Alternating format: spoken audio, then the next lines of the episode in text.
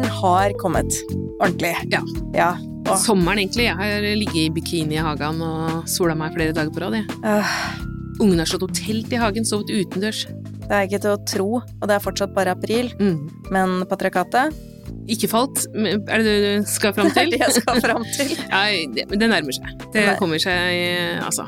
Det er, eh, det er jo i hvert fall noen gode krefter som jobber for at eh, noe skal begynne å skje. Mange krefter, blant annet oss, for det, vi må nesten fortelle om det, at vi har ettårsjubileum.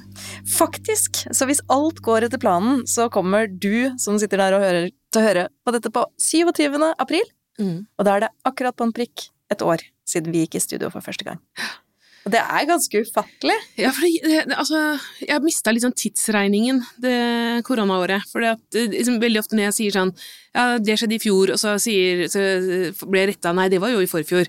Altså, man hopper litt over, da. Så egentlig den podden, det er på en måte det eneste vi har Eller det eneste jeg føler at jeg har gjort som er liksom konkret, som står igjen fra dette året. Det er jo også veldig sånn regelmessig, man husker sånn cirka når vi tok opp den ene eller den andre episoden, og når vi kunne gå og ta oss et glass etterpå, og når vi ikke kunne gjøre det.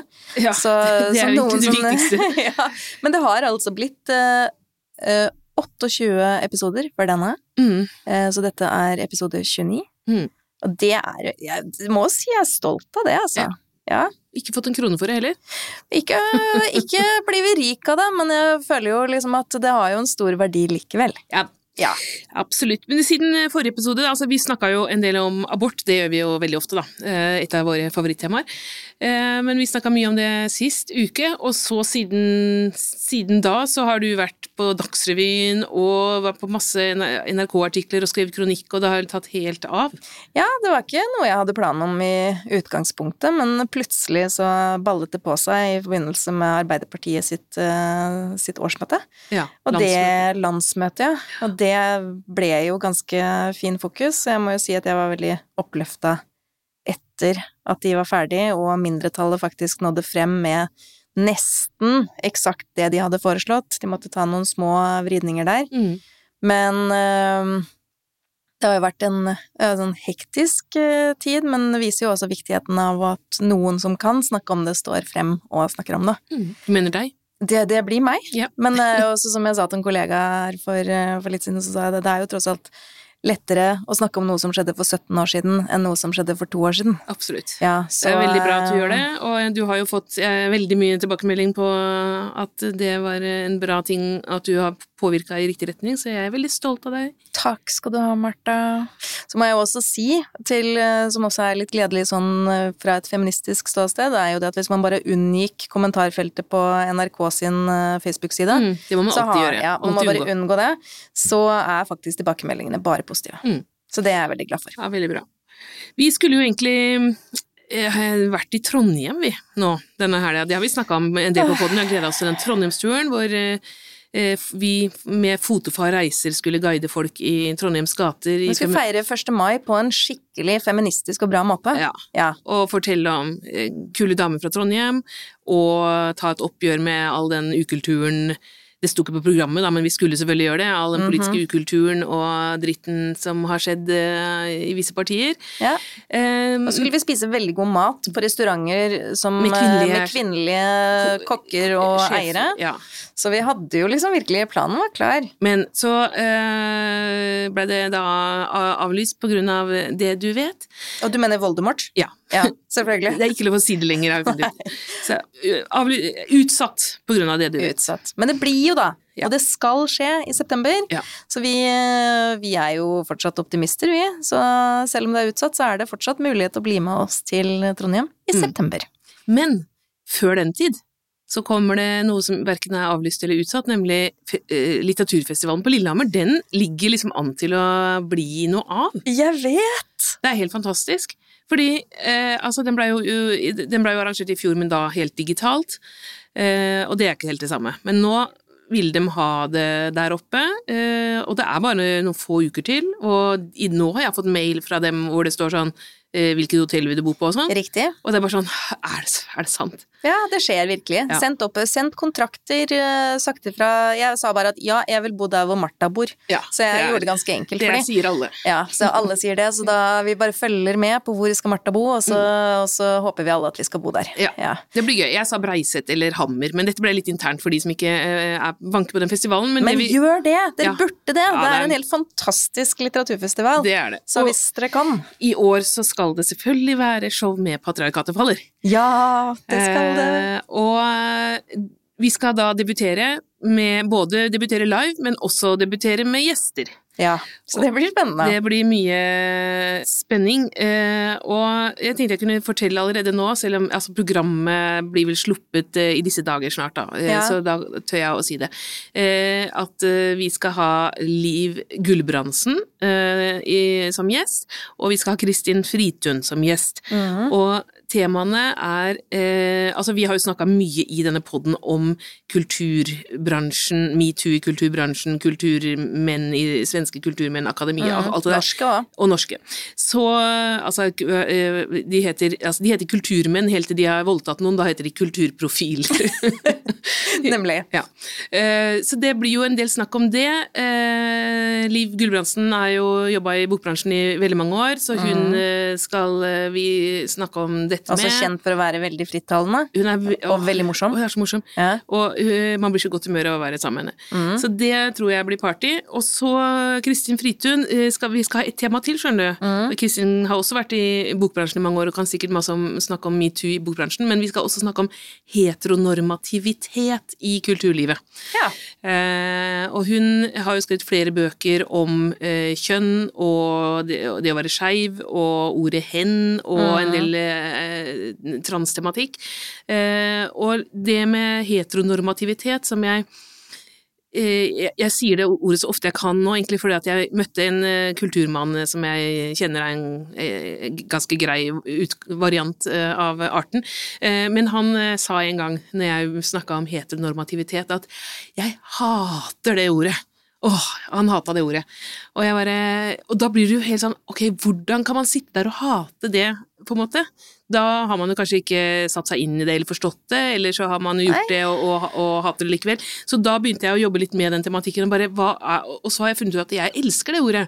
Fordi det er jo sånn nøkkelåpner til virkelig hvordan eh, kultur veldig mye er bygd opp, ikke bare sånn strukturer og sånn som på, på den ene siden, men også historiene vi omgir oss med. Ja, men det er jo akkurat det samme som å ha på seg feministbrillene eller ha på seg rasismebrillene sine. Ja. Så kan man også godt ha på seg heteronormativbrillene Ja. for å liksom begynne å forstå sine egne privilegier. Ja, for, og, og forstå liksom hvordan alle låter og alle filmer og TV-serier og alt som handler om romantikk.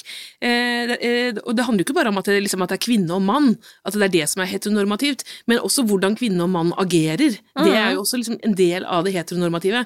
Eh, så jeg syns bare at eh, Jeg gleder meg veldig til å prate om dette på scenen. Mm. Så tenkte jeg at du får si Ja, så det er to veldig fine gjester Ja. som skal være med oss på scenen, og, og at det blir det første live-eventet, og at det blir på Lillehammer. Og det er på kvelden, Og og det skal være vin, ja. og det skal bli, være folk som skal Ja, alt dette her. Bank i bordet, bank Ja. Ja, absolutt. Men uh, følg med, følg med, følg med, og kom gjerne.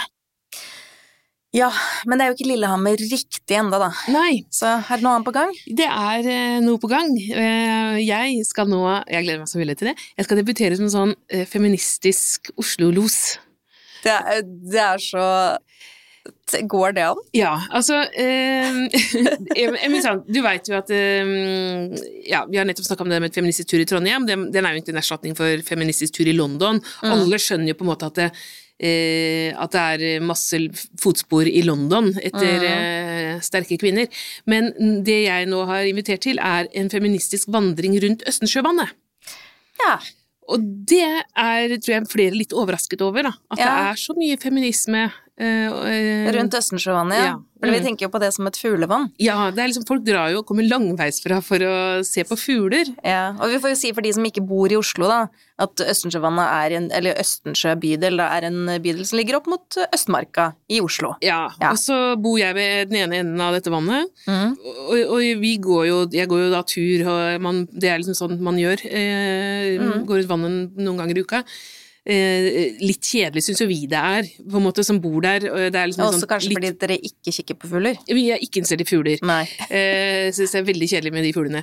Hadde ikke de bodd der, så hadde jo vi kunnet bade i dette Ja, vannet. riktig. eh... Så eh, det er også et sånt vann man ikke kan bade i, som Ja. dere skjønner da. Ja. Mm. Eh, Men så ser jeg folk kommer som sagt langveisfra, og de har masse, masse fotoutstyr, og eh, nå høres det ut som ikke jeg liker eh, at det er Jeg liker at det er freda, og at det er naturreservat, og at det er fugler og sånn, altså, men jeg bare det, det er ikke, Du blir lei av de fuglene, det er liksom begrensa hvor, hvor gøy det er å se på en sothøne, liksom.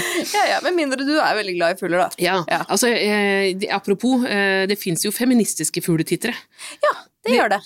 Jenny Jordal. Jenny Jordal er definitivt en feministisk fuglekikker. Hun er en av de som drar opp dit for å leite etter en fugl på en sånn liste som hun har, og så krysser hun av det. Jeg må også innrømme at uh, Jenny Jordal pleier å møte opp i, i min bakgård.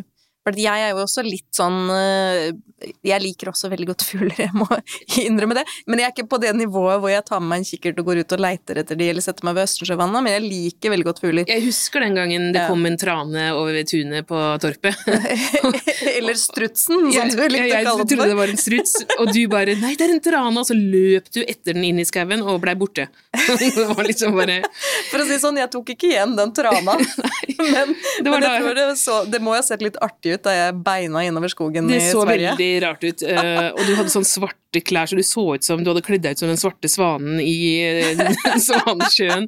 Og så bare Ja, det var veldig artig. Da var det jeg fikk vite at du var interessert i fugler. Ja, ja, ja. Men Jenny Jordal er definitivt interessert i fugler. Jeg syns Ja. også det var veldig morsomt. Hun møter opp i bakgården min for å se etter da, en eh, veldig sånn sjelden fugl som er der. Men, og så har hun en lang liste som hun har lagt ut offentlig på de fuglene som hun og kjæresten faktisk har greid å se da, i Oslo, på alle de stedene de har vært. Og så så jeg plutselig at det sto på den lista så sto det at hun hadde sett en uh, trekkrype eh, på liksom rett ved Torshovdalen. Der hvor du bor. Der hvor jeg bor. Og da, da stussa jeg bare Trekkrype, hva er det for noe? Midt i byen? Og det ryper er jo på fjellet, liksom. Hva er dette Mm. slags fugl? Så skjønte jeg at jeg hadde lest feil, og det var en trekryper. Trekryper. Jeg syns det var veldig morsomt, så jeg tenkte at det må egentlig være en oppfordring til Jenny at Jenny må tegne en trekkrype. Det er det en, en helt ny fugl som jeg føler jeg har funnet på helt Ja, selv. Men litt på. med hjelp av Jenny. ja. Så bra. Nei, men det jeg skal gjøre, da, er jo at eh, jeg skal guide folk. Eh, Den første gruppa vi Det er jo ikke lov å være flere enn fire, da, så det blir bare noen damer fra nabolaget. Mm. Eh, Men etter hvert så håper jeg at det skal bli liksom en attraksjon eh, på Østensjø, da. Og bli med meg i feminismens fotspor rundt vannet. Og da begynner vi da turen ved Abildsø gård, som er eh, en stor, ærverdig, flott herregård, eh, som har ligget der i all evighet. Og der eh, var det en dame som het Minna Vetlesen, som bodde på 1800-tallet. Og hun var eh, eh, husstellærer og dreiv eh, og starta eh, og fant opp Europas første husmorskole. Mm. Og den var der, da. Og det er Og- da man tenker at er det et eh, feministisk fremskritt, at vi lager husstellskoler? Da. I dag hadde jo det vært kanskje ikke det, I men dag den så, gang da? Ja, det er flere grunner til at det er eh, interessant i feministisk sammenheng. For det første så var jo dette her eh, den eh, første videregående utdannelsen som noen gang ble tilbudt kvinner i Norge. Altså den skolen hennes. Det fantes ingen videregående, altså etter middelskole, da, som er barneskolen, på en måte, så fantes det ikke noe utdannelse for jenter. Og i hvert fall ikke for bygdejenter, holdt jeg på å si, for der var det enda færre muligheter. Men, men det var det hun starta da. Hun starta jentenes variant av landbruksskolen. For det fantes jo landbruksskole hvor gutter som skulle arve en gård, kunne gå og lære seg alt det som trengs der. Men eh, hvis en kvinne skal begynne på en, å jo- eh, bo på en gård, så er det temmelig mye som skulle da drives et storkjøkken og husholdning og, og så videre. Eh, og denne her eh, eh, skolen hennes, da, den hadde jo ganske heftig plan, eh, timeplan. Det var jo toårig. Du skulle lære, lære slakting, baking, ysting av ost, kinning av smør, hagedyrking, skreddersøm, husholdningsregnskap, historie hadde hun også, regnska, eh, altså eh, regnskap og skriving. Det å kunne uttrykke eh, hva du tenker og føler i eh, med eh, dine egne ord. Det var et eget fag. Um, Og så var det, på helgene så var det sang, og den, hun sang og spilte, de hadde sånne samlinger, og, og elevene blei en del av familien, og hadde sju egne unger der. Så det var det en, ting at det var um, feministisk i, i, den forstand. Men så var det jo også sånn at eh, også etter hvert, når det kom flere For dette ble, dette ble modellen for alle husmorskolene som mm. dukka opp etter hvert, også eh, internasjonalt. Og eh, ja, Jeg lurer på egentlig hvor lenge de holdt på med husmorskole? For det var jo sånn, Moren min gikk på husmorskole, og hun er jo født i 1955. Ja, det, de holdt så. på sånn ca. 100 år. Ja. Og med liksom 50-tallet selvfølgelig som sånn virkelig høydepunkt, da.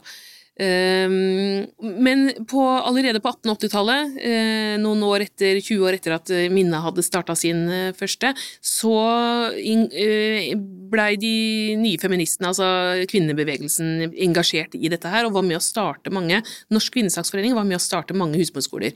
Og igjen så tenker man, er det så Hvorfor skulle kvinnesakskvinnene drive med det, ikke sant? Ja, yrkesutdanning. Det var det med å gi yrkesutdanning. Det var også mange sånne praktiske ting. For hvis man hadde fagkunnskapen sjøl, så var det ikke nødvendig å ha så mye hushjelp. Mm. Eh, og det førte igjen til at man kunne stifte familie og danne hjem tidligere. Mm. Eh, nei, ja, før så måtte man vente til man liksom eh, hadde spart Og man måtte egentlig ha god råd før man kunne starte et hjem på den måten, da.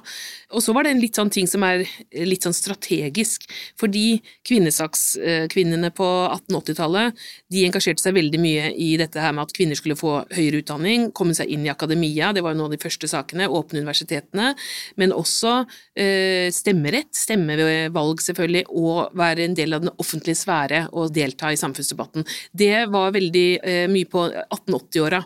Og dette fikk de jo gjennomslag for, en del av det etter hvert, men eh, det kom jo litt sånn gradvis. Men det var jo det at det gjorde dem også veldig upopulære, kvinnesakskvinnene. Fordi eh, de fleste mennesker i Norge, både kvinner og menn, mente jo fremdeles at det var hjemmet som var eh, sted for kvinner, mm. og at eh, det var litt latterlig å se disse kvinnene i offentligheten, og hva skal de nå der? Så eh, det Når de da etter hvert begynte å engasjere seg i sosialt arbeid, i å hjelpe fattige kvinner, i sedelighetssaken, som det het, altså det å mm. eh, engasjere seg mot prostitusjon og, og, mm, og også da dette med å, med å utdanne bygdejenter og med å skaffe en eh, fagutdanning for husmødre, som ble sett på som en del av eh, det å, å dyrke familien, egentlig, da. Kjernefamilien, og løfte mm. fram den. Eh, alt dette her, det gjorde kvinnesaken veldig mye mer akseptabel i offentligheten. Fordi at det var sånn som folk flest syns at kvinner skulle drive med. Mm. Eh, veldedighet og velgjørenhet og ja, Men det er jo klart at all den type kunnskap som dette her, det var jo nyttig for kvinner å ha. Mm. Og ha muligheten til å, å, selv kunne gjøre ting på egen hånd, mm. eh, og ikke være helt avhengig av andre. Så, alt, eh, så jeg tenkte da å liksom stoppe først, altså holde et lite foredrag om Minna Vetlesen og Husmorskolen. Og så øh, skal jeg, jeg er veldig opptatt av at ikke folk skal kjede seg, da, så jeg skal ikke snakke så lenge som jeg gjorde nå, snakka jeg litt for lenge. Men øh, Du kan si til alle at de, jeg utdyper i neste episode ja, av Patriarkatfallet. Ikke sant. Ja, nei, så jeg skal, gå, skal være litt sånn øh, Og så går vi jo fort bort til der hvor det står sånn om naturreservat og sånn, og der tenkte jeg å fortelle litt om Norges første naturverner, eh, som selvfølgelig var en kvinne. Eh, Lisa Christoffersen. Eh, hun har fått en plass oppå Bjølsen, eh, oppkalt etter seg, og er liksom hedret. Hun var helt sånn en fattig dame på gata i Oslo, i en tid hvor de vanlige arbeiderfolk sleit som bare det, og det gikk jo utover dyr at det var så fattigdom. Mm. Eh, både at man liksom eh, Hester måtte dra veldig tunge lass og ble piska, bikkjer hadde man ikke så mye respekt for, løsbikkjer de ble liksom sparka hit og dit, og katter altså det, det var liksom sånn Man hadde et, et annet forhold til dyr, da og unger og all, man, kvinner. Man hadde et annet forhold til det meste. Egentlig vil vel egentlig si at det meste er litt bedre nå til dags, ja. ja. Så greia var det at Lisa Christoffersen hun sto på, hun var sånn bonde, eh, eller sånn eh, torgkone. Sto og mm. solgte blomster og frukt på torget. Sto blant annet nederst i Youngsbakken der. Mm. Eh, den er ganske bratt, så der, hun sto nederst i de bakkene, for at der sleit disse hestene veldig med å dra tunge lass, og da pleide de å få pisk og sånn av uh, utålmodige uh, førere, og da uh, svarte hun med å piske de mennene tilbake, og løp etter dem og skremte. Altså, virkelig sånn, eh, fikk dem til å stoppe. Og så i tillegg så mm, fikk hun etter hvert en fløyte av politi, det var jo ganske gemt, sånn at hvis hun så veldig alvorlig dyremishandling, eller sånn, så kunne han blåse i fløyta. Så det syns jeg er um, en kul dame. Og så eh, skal jeg fortelle litt om eh, eh, forfatterne på Abildsø. Eller altså det er en del altså Det er ikke bare feminister rundt Østensjøvannet, det er også en del sexister. Som har hengt der. Som ja, har hengt rundt Østensjøvannet. Og de hang litt i det samme området skjønte jeg? Ja, altså det er, det er et borettslag som heter Lille Langerud. Jeg har noen venner der, det er et veldig trivelig borettslag, og der har det bodd mye store menn. Eh, som man, F.eks. for eksempel Jens Bjørneboe og Agnar Mykle og eh, André Bjerke. Eh, og eh, Inger Hagerup har også bodd der, faktisk. Mm. Hun var grei, da. Hun var jo sikkert ganske grei, hun. Ja.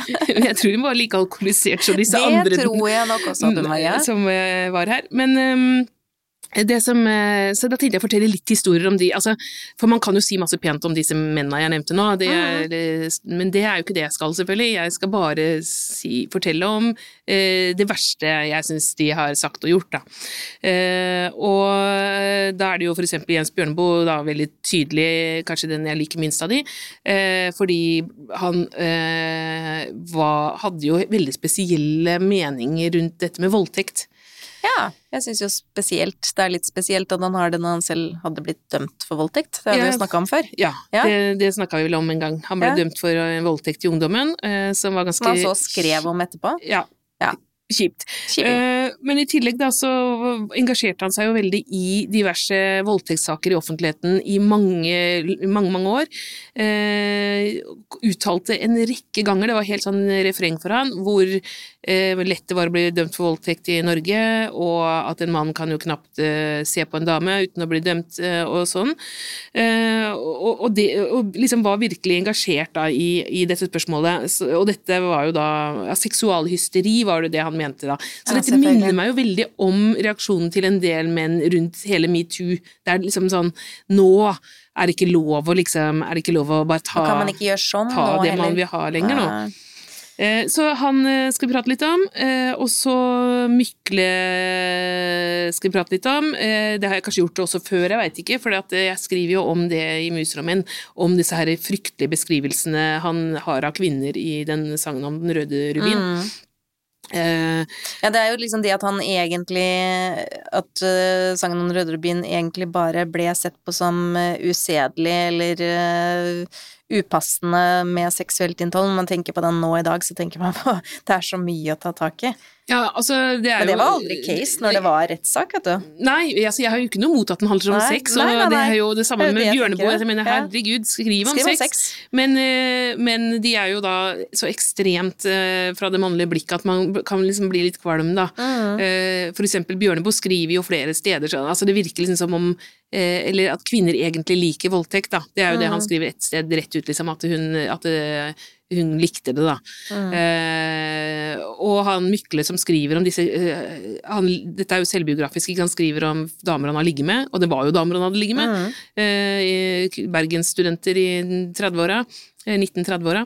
Eh, eh, og så skriver han sånn om puppene til hun ene, de var litt for hengende, brystvortene vokser innover, huden var opprinnelig meget pen, men nå litt uren, tennene var på avstand nydelige å vite, men på nært hold skuffende, og vaginaens sugeevne og så videre, da.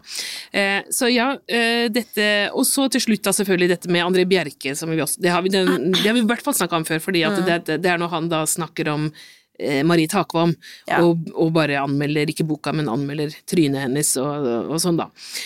Og, og, det blir jo da for meg en naturlig overgang til Marie Takvam, som bor på, på, bodde på Oppsal. For vi, da har vi akkurat svingt rundt der ved brua, og da kommer vi liksom fra Lille Langerud, fra sexisthjørnet, uh -huh. til de feministiske forfatterne, da, som Tove Nilsen på Bøler, og Marit Hakvam, og eh, en liten tur innom Anne-Kat. Vestli. Mm. Og så når vi er ferdig med, med det, det, der, så kom, da har vi kommet ned til bunnen av vannet igjen, og da er vi nesten på Bryn. Så da tenkte jeg å fortelle om de kvinnelige fyrstikkarbeiderne på, så, og streiken. Ja, riktig. for det var jo der den fabrikken lå. Og så skal jeg, litt, og så skal jeg jukse litt, for at det, eh, jeg, da har jeg lyst til å snakke om Ragnhild Jølsen også. Eh, veldig, veldig kul eh, forfatter eh, som eh, For hun var dattera til han som eide fyrstikkfabrikken. Aha. Ja, men det er, det er lov å jukse på den måten. Ja. ja. Hun, hun bodde jo ikke der, hun bodde på Enbakk. Men eh, Jølsen eide fabrikken. Det er eh, god nok grunn til å prate om kule Ragnhild Jølsen, som eh, døde altfor ung og har blitt på en måte en litt sånn mytisk eh, skikkelse. Um, og jeg driver og leser eh, Arnhild Skræ sin bok om henne. Riktig. Det anbefaler jeg andre å gjøre. Så det det var eh, Nå fikk alle være med på eh, den turen. Jeg tror den er litt morsommere live, men, eh, og vi skal kanskje ha med litt bobler òg. Etter hvert. Ja, Mm. det kan nok hende. Men det her er jo liksom disse Oslo Los-planene dine. Mm. Det er vel, har vel et utgangspunkt et sted, det òg, eller? Altså, du tenker på På Hva? at eh, det er jo eh, for det første som en kommentar til en viss annen Oslo-vandringsbok. Å ja, ja, ja, ja, Ja. du tenker på den der til Erik Fossens Hansen. Ja, Ja, fordi ehm, Jeg kan jo bare si det også, selv om det er litt sånn langt fram, eh, framover. Da. Eh, jeg jobber nå med en bok, eh, en motbok. Eh, det er jo blitt det er det nye inne nå, liksom. Det er det man skal gjøre når en motbok. Ja. Eh, Det var jo var søstera til Vigdis Hjorth som skrev motbok, og så var det Så skrev jo Johs eh, Han Terje Tvedt fikk en motbok eh, av Jostein Gripsrud, tror jeg, var det det? Uh, og så uh, det, her, det var Ja, og så er det jo også disse her uh, tingene som har med motstandsbevegelsen ja, ja, ja. under andre verdenskrig, hvor uh, Martin Michelet fikk en motbok. Ja. Mm. Så motbøker mm. kommer nå. Men du skriver på en motbok. Ja, sammen med Hilde Østby og Helene Uri. Ehm, Det var jo sånn at eh, Erik Fossens Hansen skrev en litterær vandring fra Oslo. Eh, Jeg har ikke lest den ennå, så det må jeg jo gjøre. Men Hilde Østby leste den eh, og var, og skikkelig misfornøyd, fordi eh, hun mente at han hadde vandra i fotspor til masse mannlige forfattere og forfatter, mannlige karakterer, og ikke vært interessert i kvinner i det hele tatt. Så da stilte Helene Uri og Hilde Østby opp i Aftenposten og gikk en runde i Oslo hvor de prøvde å si her er det ganske mye kvinnestoff også, som han ikke hadde tatt med, og så blei de da gira på det, og kanskje vi skal skrive en sånn vandring, da. Og så tok de med meg, fordi jeg er jo allerede Oslo-los. ja, viser det seg. Ja. Eh, Jeg, skal jo også holde tale på Anna Rogstads grav på 17. mai, så jeg føler at det liksom alt sammen nå faller litt sånn Det er så mange tilfeldigheter som at Som prøver å fortelle meg at jeg skal bli sånn, sånn guide på heltid.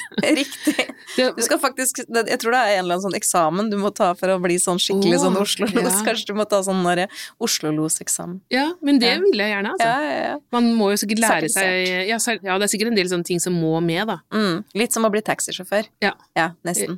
Nei, jeg syns absolutt du skal satse på det, men det er klart at det blir jo Etter hvert så er det altså mulig å ta del i disse turene på en litterær måte. Til neste år eller sånn kommer denne boka. Det blir kjempegøy. Men du ønska deg jo så innmari mye fint til bursdagen din. Hadde du en fin bursdag? Start med det, egentlig. Jeg hadde veldig fin bursdag. Jeg feira den på hotell, selvfølgelig. Åh, det er deilig. Når man i hvert fall kan gjøre noen ting, så må man gjøre det. Det var, det var jo eh, ganske tomt på dette hotellet. Eh, Det var faktisk bare meg og han Frode Berg. Av alle ting. Han eh, spionen. Ja, for han var i Oslo for å snakke med, med Stortinget og regjeringen. jeg. skjønte det etter hvert når jeg så nyhetene, men jeg skjønte men jeg, liksom, det var liksom i to, et døgn så var det bare han og jeg som møttes i gangene der. Så for å være en tidligere agent, så er han ikke så flink til å skjule seg. Men fikk du noe eh, fint, for du ønska deg jo liksom disse fantastiske kunstverkene vi snakka om. ja, ja, altså, det var jo litt for mye forlangt også, bare si på podden at jeg ønsker meg gullklitoriskjeder, og så tro at man skal få det. Jeg tenker jo, hører ikke mannen din på Nei, jeg håper ikke det, altså. Nei. Nei, eh, så mm, Men jeg fikk jo noe eh, vin og noe. Jeg, det var eh, Jeg er veldig fornøyd til at det var koronabursdag, da. Ja, det er bra. Men disse her sånn feministiske kunstverkene, de fikk vi ganske mye fine tilbakemeldinger på når vi hadde lagt ut sist også. Ja, det Både glittoris og denne kjempestore jungelvaginaen. Mm. Eller vulvaen. Ja. Sånn, ja, det var, ja. det var det, Så jeg, jeg, jeg tenkte liksom vi burde ha en sånn fast kunstspalte her, egentlig. For det er mye som skjer på feministisk kunstfronten. Og så så jeg en sånn liten eh, notis fra Spania på dette, da, eh, i avisa forleden. Eh, det var liksom så egentlig flott, eh, syns jeg. Et 53 meter langt maleri som er plassert i, ute i Madrid. Eh, Med portretter av 15 kvinner som har påvirka verdenshistorien. Mhm. Så liksom eh, 53 meter, det er jo massiv eh, kunst. Eh, og det er blant annet Rosa Parks, eh, Valentina Tereshkova, som var første kvinne i verdensrommet, Rigoberta Menchu, fredsprisvinner, osv. Eh, men eh, så blei det da vedtatt, eh, for de har et konservativt byråd i Madrid, eh, så de hadde da, da var det flere politikere som hadde kritisert dette her eh, bildet for å ha en politisk slagside. Ja, politisk fordi kvinner Eh, Ja, antageligvis. For det er, man kan jo ikke være veldig sånn imot Rosa Parks, liksom. Du kan jo være mot feminisme. Ja, eller- Men her var det jo veldig sånne Det var sånne soleklare kandidater som hadde vært på Det var liksom Nei, så det Men ja, det var vel det med kvinner, da, som ble litt for politisk for eh, dette byrådet, så da ble det bestemt at det skulle fjernes. Eh, Men så tromla feministene sammen motstand, ikke sant, så det var veldig bra. Så i tolvte time så fikk de klart å stoppe det vedtaket. Men eh, så kom det plutselig masse folk ut, eh, sånne konservative mennesker, ut på natta og malte over. Natt til 8. mars. Nei, sånn passende, da. Ja. Ah. Altså, Så patriarkatet vant den runden i Madrid. Det var en veldig dårlig note å etterlate folk på. Ja, men det var er en sånn historie som sånn der, er, ja, det var en sånn historie som er sånn opp... Sånn, du vet den derre kaninen som hopper sånn derre Ja, det var ikke så vel, men, men så kom trå... Og så, Ja. og, og så, Og så gikk da, det og så gikk det likevel, bra, dårlig, og så gikk det dårlig. Så jeg tenker at den er jo det, det, det ligger jo noe her Vi kan jo prøve å følge opp. Det kommer sikkert noen feminister og gjør noe annet. eh, Det håper vi sprell- kanskje natt til den internasjonale Mannsdagen i november, ja. Ja, da. Det, da kan det jo hende at de maler over en eller faktisk tar og går løs på disse statuene som ligger i Madrid. Det er jo den ene macho-statuen etter den andre med sånne konger til hest og det er, det er ikke så innmari mye damer å se der på de høye pedestallene. Vi, vi, vi, vi, vi tar kontakt med noen spanske feminister, Altså, det er god tid å planlegge fram til mannsdagen. Ja, så da, da har vi en plan. Da har vi en plan. Hørt på podkasten Patriarkatet faller av og med Marta Breen og Anette Garpestad, utgitt av Agenda Magasin. Ansvarlig for lydteknikk og musikk er Margarita Krimici. Du finner Patriarkatet faller på Facebook, Instagram og Twitter. Og du kan sende oss en e-post på patriarkatefaller at gmail.com.